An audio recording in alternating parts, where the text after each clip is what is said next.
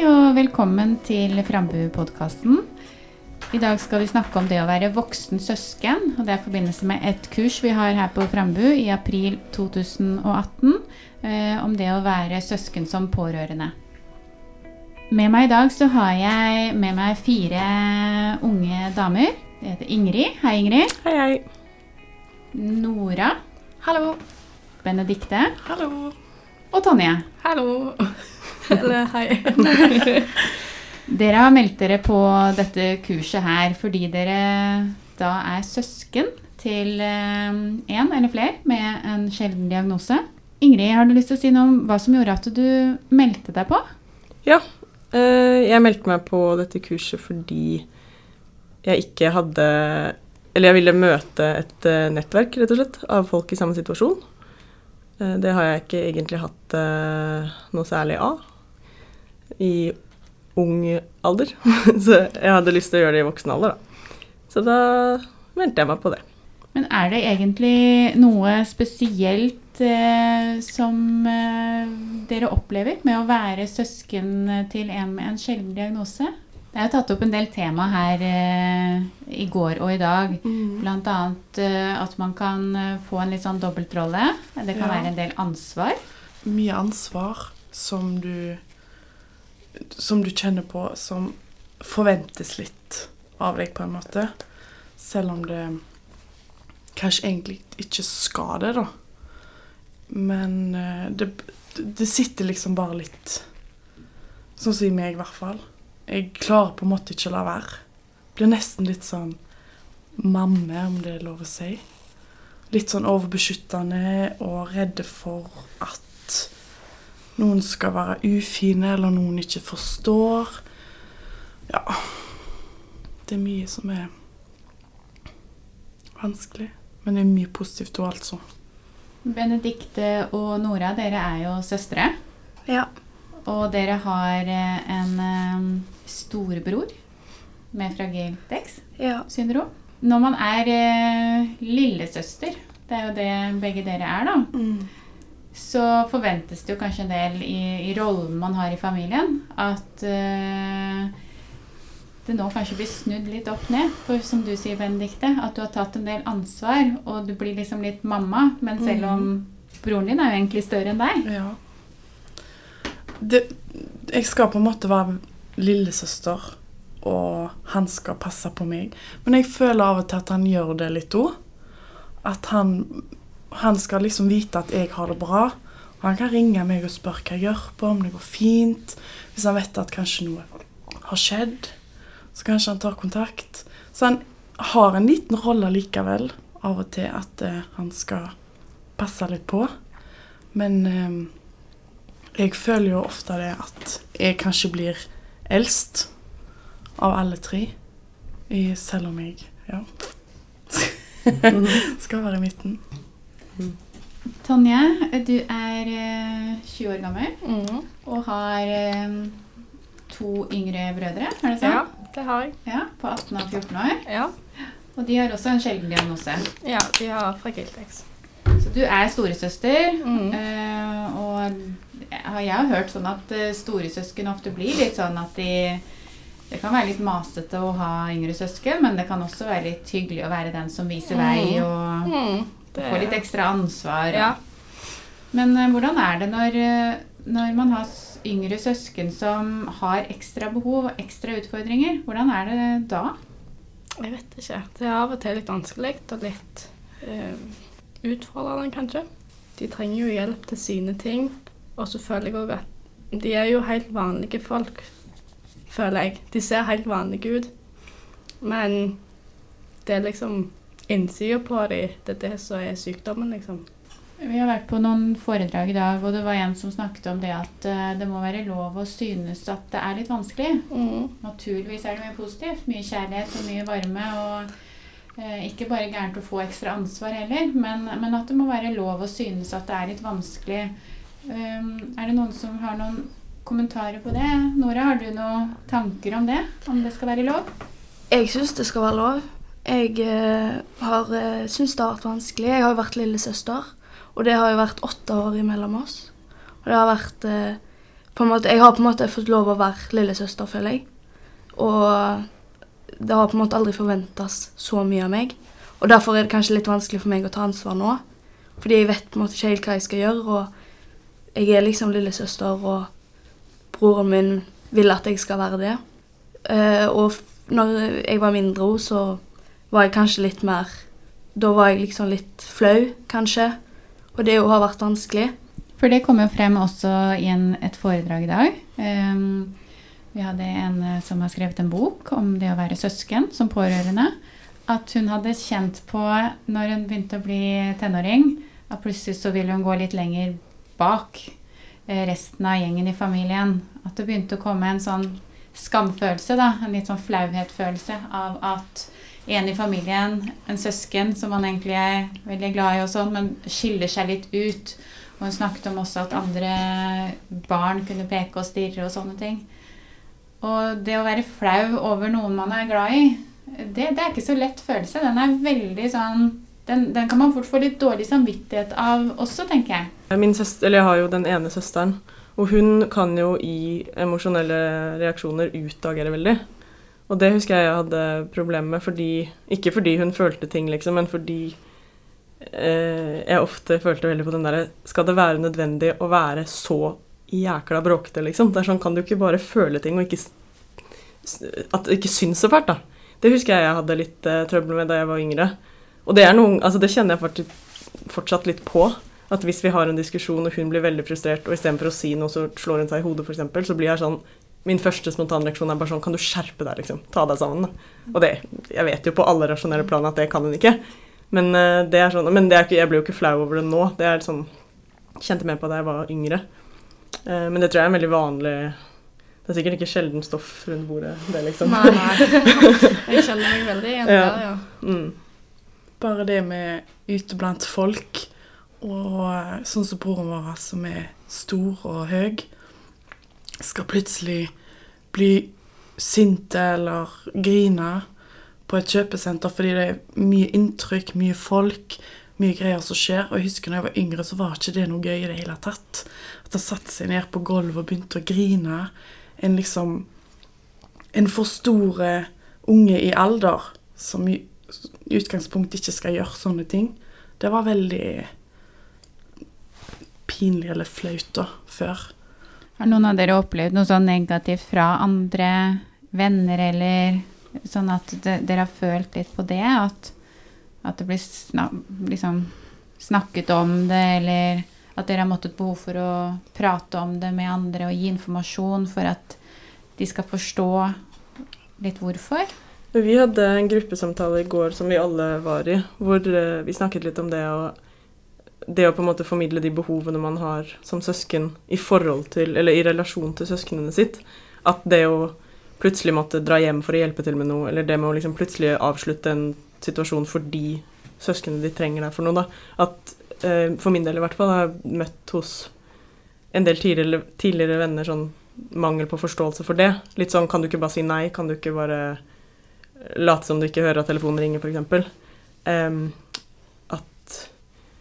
at det har vært det, det har på en måte vært ofte en ekstra belastning. At du føler sånn OK, du skal forklare at du må Hvis du f.eks. er et sted og føler at du må dra hjem for å hjelpe til, at du må forklare det, men du må også på en måte rettferdiggjøre hvorfor.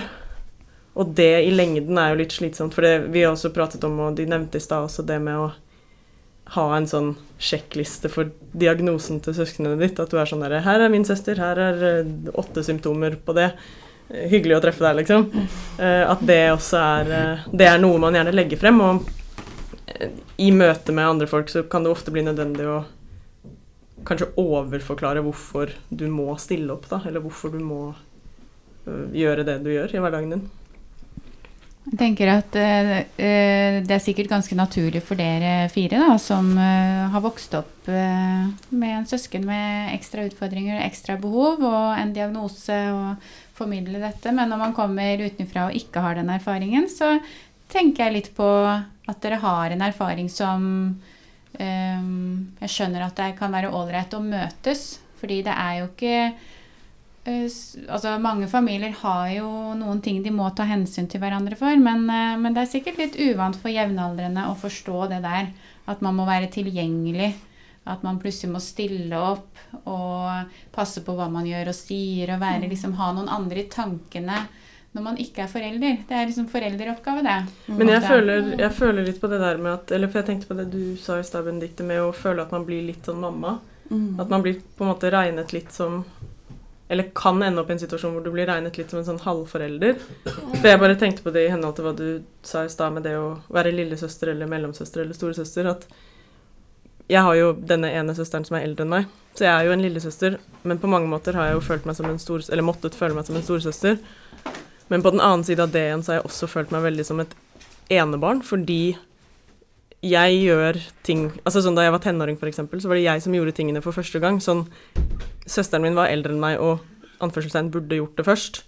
Men det var alltid jeg som gjorde det først, og Det var alltid jeg som tok de store valgene først. Hvis det gir mening. Nå har dere andre søsken å relatere til nå, men jeg, jeg opplevde det veldig sånn. da, At det blir en sånn rolleblanding hvor på papiret er jeg lillesøster fordi jeg er født i 1989, og søsteren min er født i 1986, men alt annet enn det er en blanding av liksom storesøster, eh, medforelder, familiepsykolog kanskje noen ganger, og enebarn, da, rett og slett.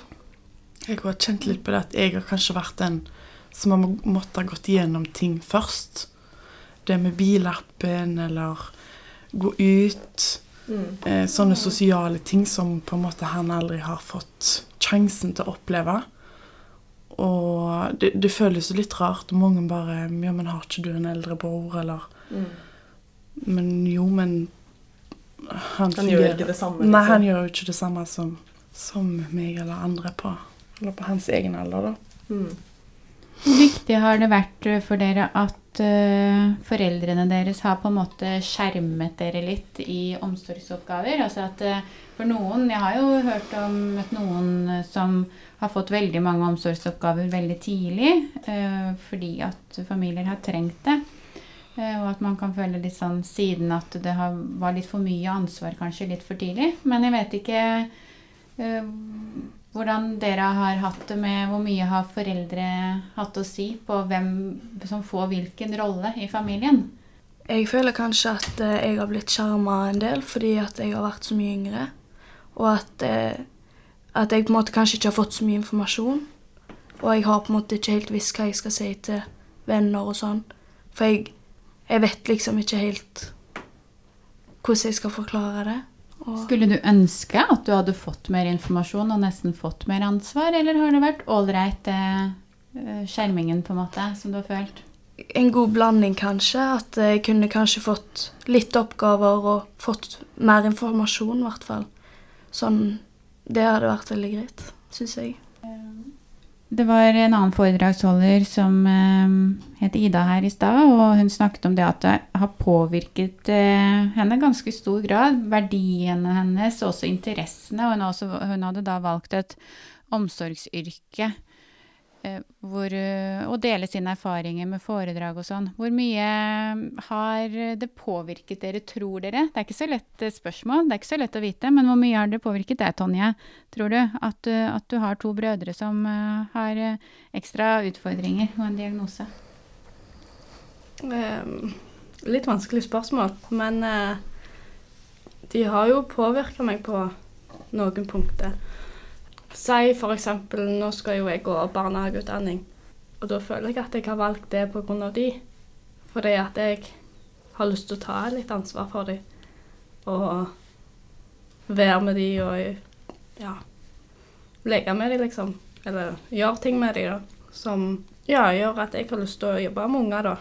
Andre som føler at dette har påvirket dere i stor grad? At det har blitt mer interessert i mennesker, eller mer eh, sensitive for andres behov? Mer kunnskap om diagnoser og Ja, jeg er jo jeg er utdanna helsefagarbeider.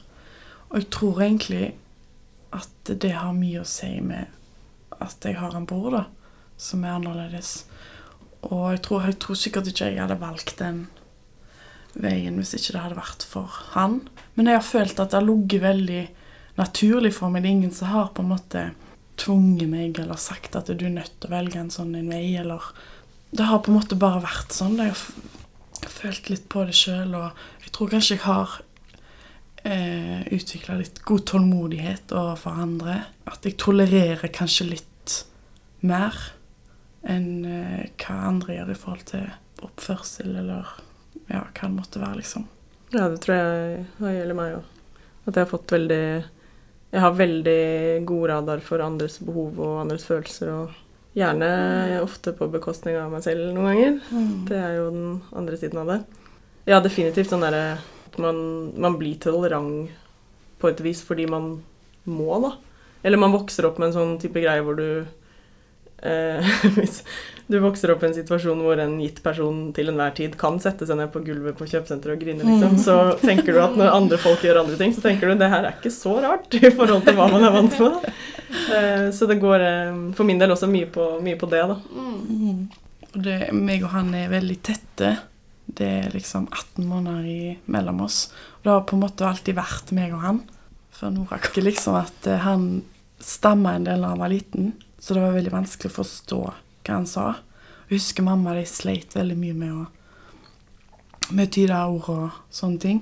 Og at jeg da ble en slags tolk, Mm. fordi jeg forsto ofte hva han sa. For det var jo han jeg lekte med. Sant? For det var jo meg og han i, i seks år.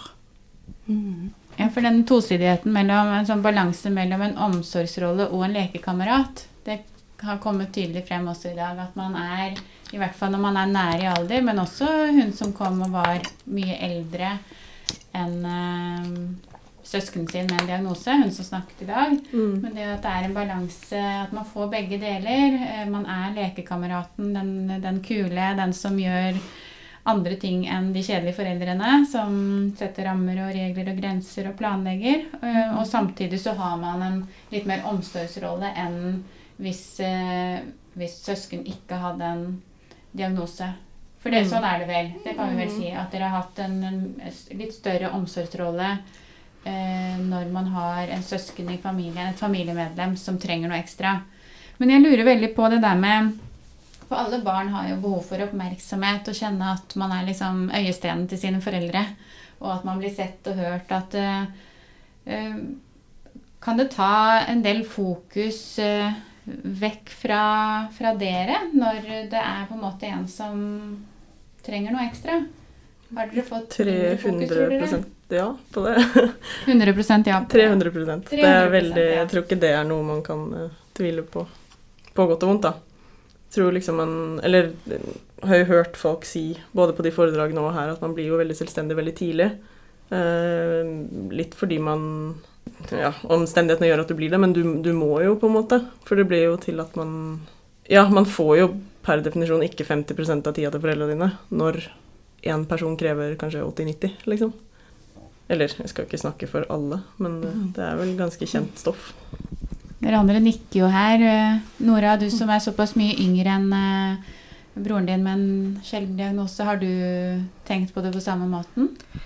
Jeg tror kanskje jeg har fått litt mindre oppmerksomhet, men jeg føler ikke at jeg sitter ikke igjen med en følelse av at jeg, at jeg ikke har fått oppmerksomhet heller. Eh, sånn sett. Men jeg har alltid egentlig vært trivdes veldig i mitt eget selskap. Og det har sikkert med at det er så mange år mellom meg og søsknene mine. At jeg rett og slett Jeg liker å leke Altså, jeg har vært med meg sjøl, rett og slett. Og det har liksom gått fint, og jeg har akseptert det. Så jeg har egentlig ikke merka det så mye, og jeg tenker ikke tilbake og tenker at jeg har fått kjempelite oppmerksomhet eller sånn. Så det har gått veldig bra, egentlig. Hva med deg, Tonje? Har du noen tanker om det med å fokus og oppmerksomhet? Har det blitt en Mm. skjevdeling, eller har det gått uh... Jeg tror det har vært litt likt på begge sider. Jeg har fått kanskje like mye oppmerksomhet som de har. Vi har liksom gjort ting sammen, alle sammen, og ja, fått den samme oppmerksomheten. Benedikte, du som er så mye yngre enn eh, Nei, så eh, liten avstand mellom deg og broren din. Hvor mye var det, sa du? 18 måneder. 18 måneder. Mm. Eh, Hvordan har det vært med, med dette med fokus og oppmerksomhet og tid til å se deg og juble når du lærer deg å sykle og komme venner hjem og Ja. Ja, det, jeg har egentlig gått litt sånn opp og ned, kanskje. Men jeg har egentlig alltid sagt at jeg har aldri kjent på det som Nora sier. Jeg aldri, sitter ikke med den følelsen av at jeg har ikke fått oppmerksomhet, liksom, i løpet av livet. Jeg føler at det har vært veldig, veldig likt. All kreds til mamma og deg for det, egentlig. Tror du at de har vært bevisst på det øh, underveis? Jeg vet faktisk Jeg faktisk vet egentlig ikke. ikke helt. Og så må det jo sies at øh, ulike diagnoser gir ulik problematikk. Og klart har man en søsken som øh, på en måte blir sint, slår, utagerer, noe sånt, da, så kan det være så viktig for foreldre å være i forkant. At da, da merker kanskje søsken at fokuset er litt på den andre. Sånn at øh, mange, mange kjenner seg igjen i det med litt sånn at, uh, at det krever en del fra foreldre med, med dersom det barnet med en sjelden diagnose har en del sånn atferdsproblematikk. Men uh, så, det, så sier dere også noe om at det, det har ikke alltid kjent det sånn, altså. Dere har fått deres del av kaka Mm. eh, i stor grad. Men historiene vil være ulike. Sånn som dere er fire ulike historier, og selv om Nora og Benedicte dere er fra samme familie, så er det veldig viktig å tenke på det at søsken i samme familie også har hver sin historie. Absolutt. Absolutt. Ja, vi har det. Så dere, har, dere fire har noe felles her. Det er derfor dere har søkt på kurs på Frambu og møter og deler erfaringer. Og samtidig vil det aldri være sånn at hver historie er lik. Alle, Mm. alle har hver Alle sin unike historie, og alle er forskjellige. Ja. Mm. Mm. Men uh, hvis uh, Sånn avslutningsvis, hvis dere skulle gi noen mm, tips og råd til andre søsken, hva kunne det vært? Nora? Kanskje være åpen og snakke om det. Ja, rett og slett bare være ærlig. Det, du kommer langt med det, rett og slett. Og så finne dine personer som du kan snakke med. Mm. Enig.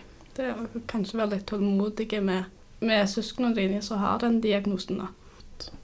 Det å møtes her på Frambu, hvor mye um, Dette er bare to dagers kurs, men dere har uh, hatt litt foredrag og hatt litt samtaler. Og også litt aktiviteter, litt sånn hygge på Mm. kveldene.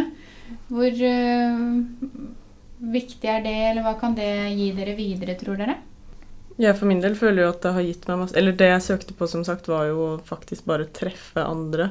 Og det har jo ikke vært sånn at jeg trodde vi skulle sitte og ha sånne dype grinesamtaler eh, 24 timer i døgnet.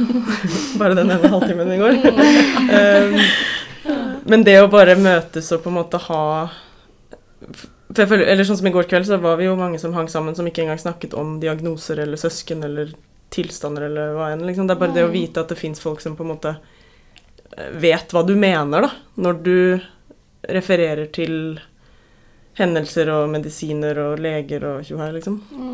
Eh, og det føler jeg absolutt vi har fått utbytte av. Det har liksom vært akkurat det jeg ville ha, da. Det er veldig godt, fordi du, du slipper å tenke så mye over hva du kanskje sier, hvordan du skal si det, hvis du Mm. snakker om søsknene dine. Eller. Og jeg føler på en måte nå når jeg har truffet mange andre søsken også, jeg slapper liksom litt av.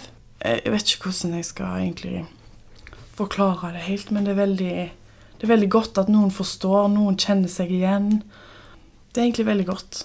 Jeg føler litt på det at selv om man har ulike situasjoner og diagnoser og søskenforhold og sånne ting, så har man i bunn og grunn alle de samme følelsene til felles. Mm. Både de gode og de fæle, da. Det har på en måte ingenting med hva diagnose søsknene dine har. Ja. Og her er det ikke noe Det er ikke noe eh, rom for å måtte rettferdiggjøre seg, føler jeg. Eller det er Mm. praktisk alt det du nettopp sa. Men at man Ja. Du kan på en måte si det du tenker på, eller det du føler, og så vil det til en Eller jeg opplever i hvert fall det vil til enhver tid være en person der som vet sånn ah, sånn hadde jeg det i fjor. Eller det har jeg også tenkt tusen ganger. Eller sånne ting, da. Trenger på en måte ikke å pakke det inn. Nei, det er jeg enig i. ja.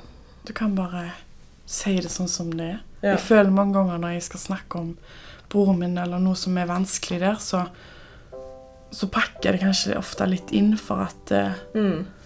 Og så må du kanskje forsvare at du sier Ja. ting som er litt Ikke stygge, men sånn hvis du skal si noe at du er veldig frustrert, eller noe, så må du på en måte si først sånn Jo, jo, men sånn her er jeg ikke alltid, liksom. Ja. Mens her vet man jo det, for det går jo opp og ned, og det veit alle her, tror jeg. Mm. Mm. Da har jeg lyst til å takke for eh, at dere deltok på denne podkasten. Og eh, takk for at jeg fikk innsikt i disse temaene om åpenhet, om å dele erfaringer, om å innimellom slippe å pakke ting inn.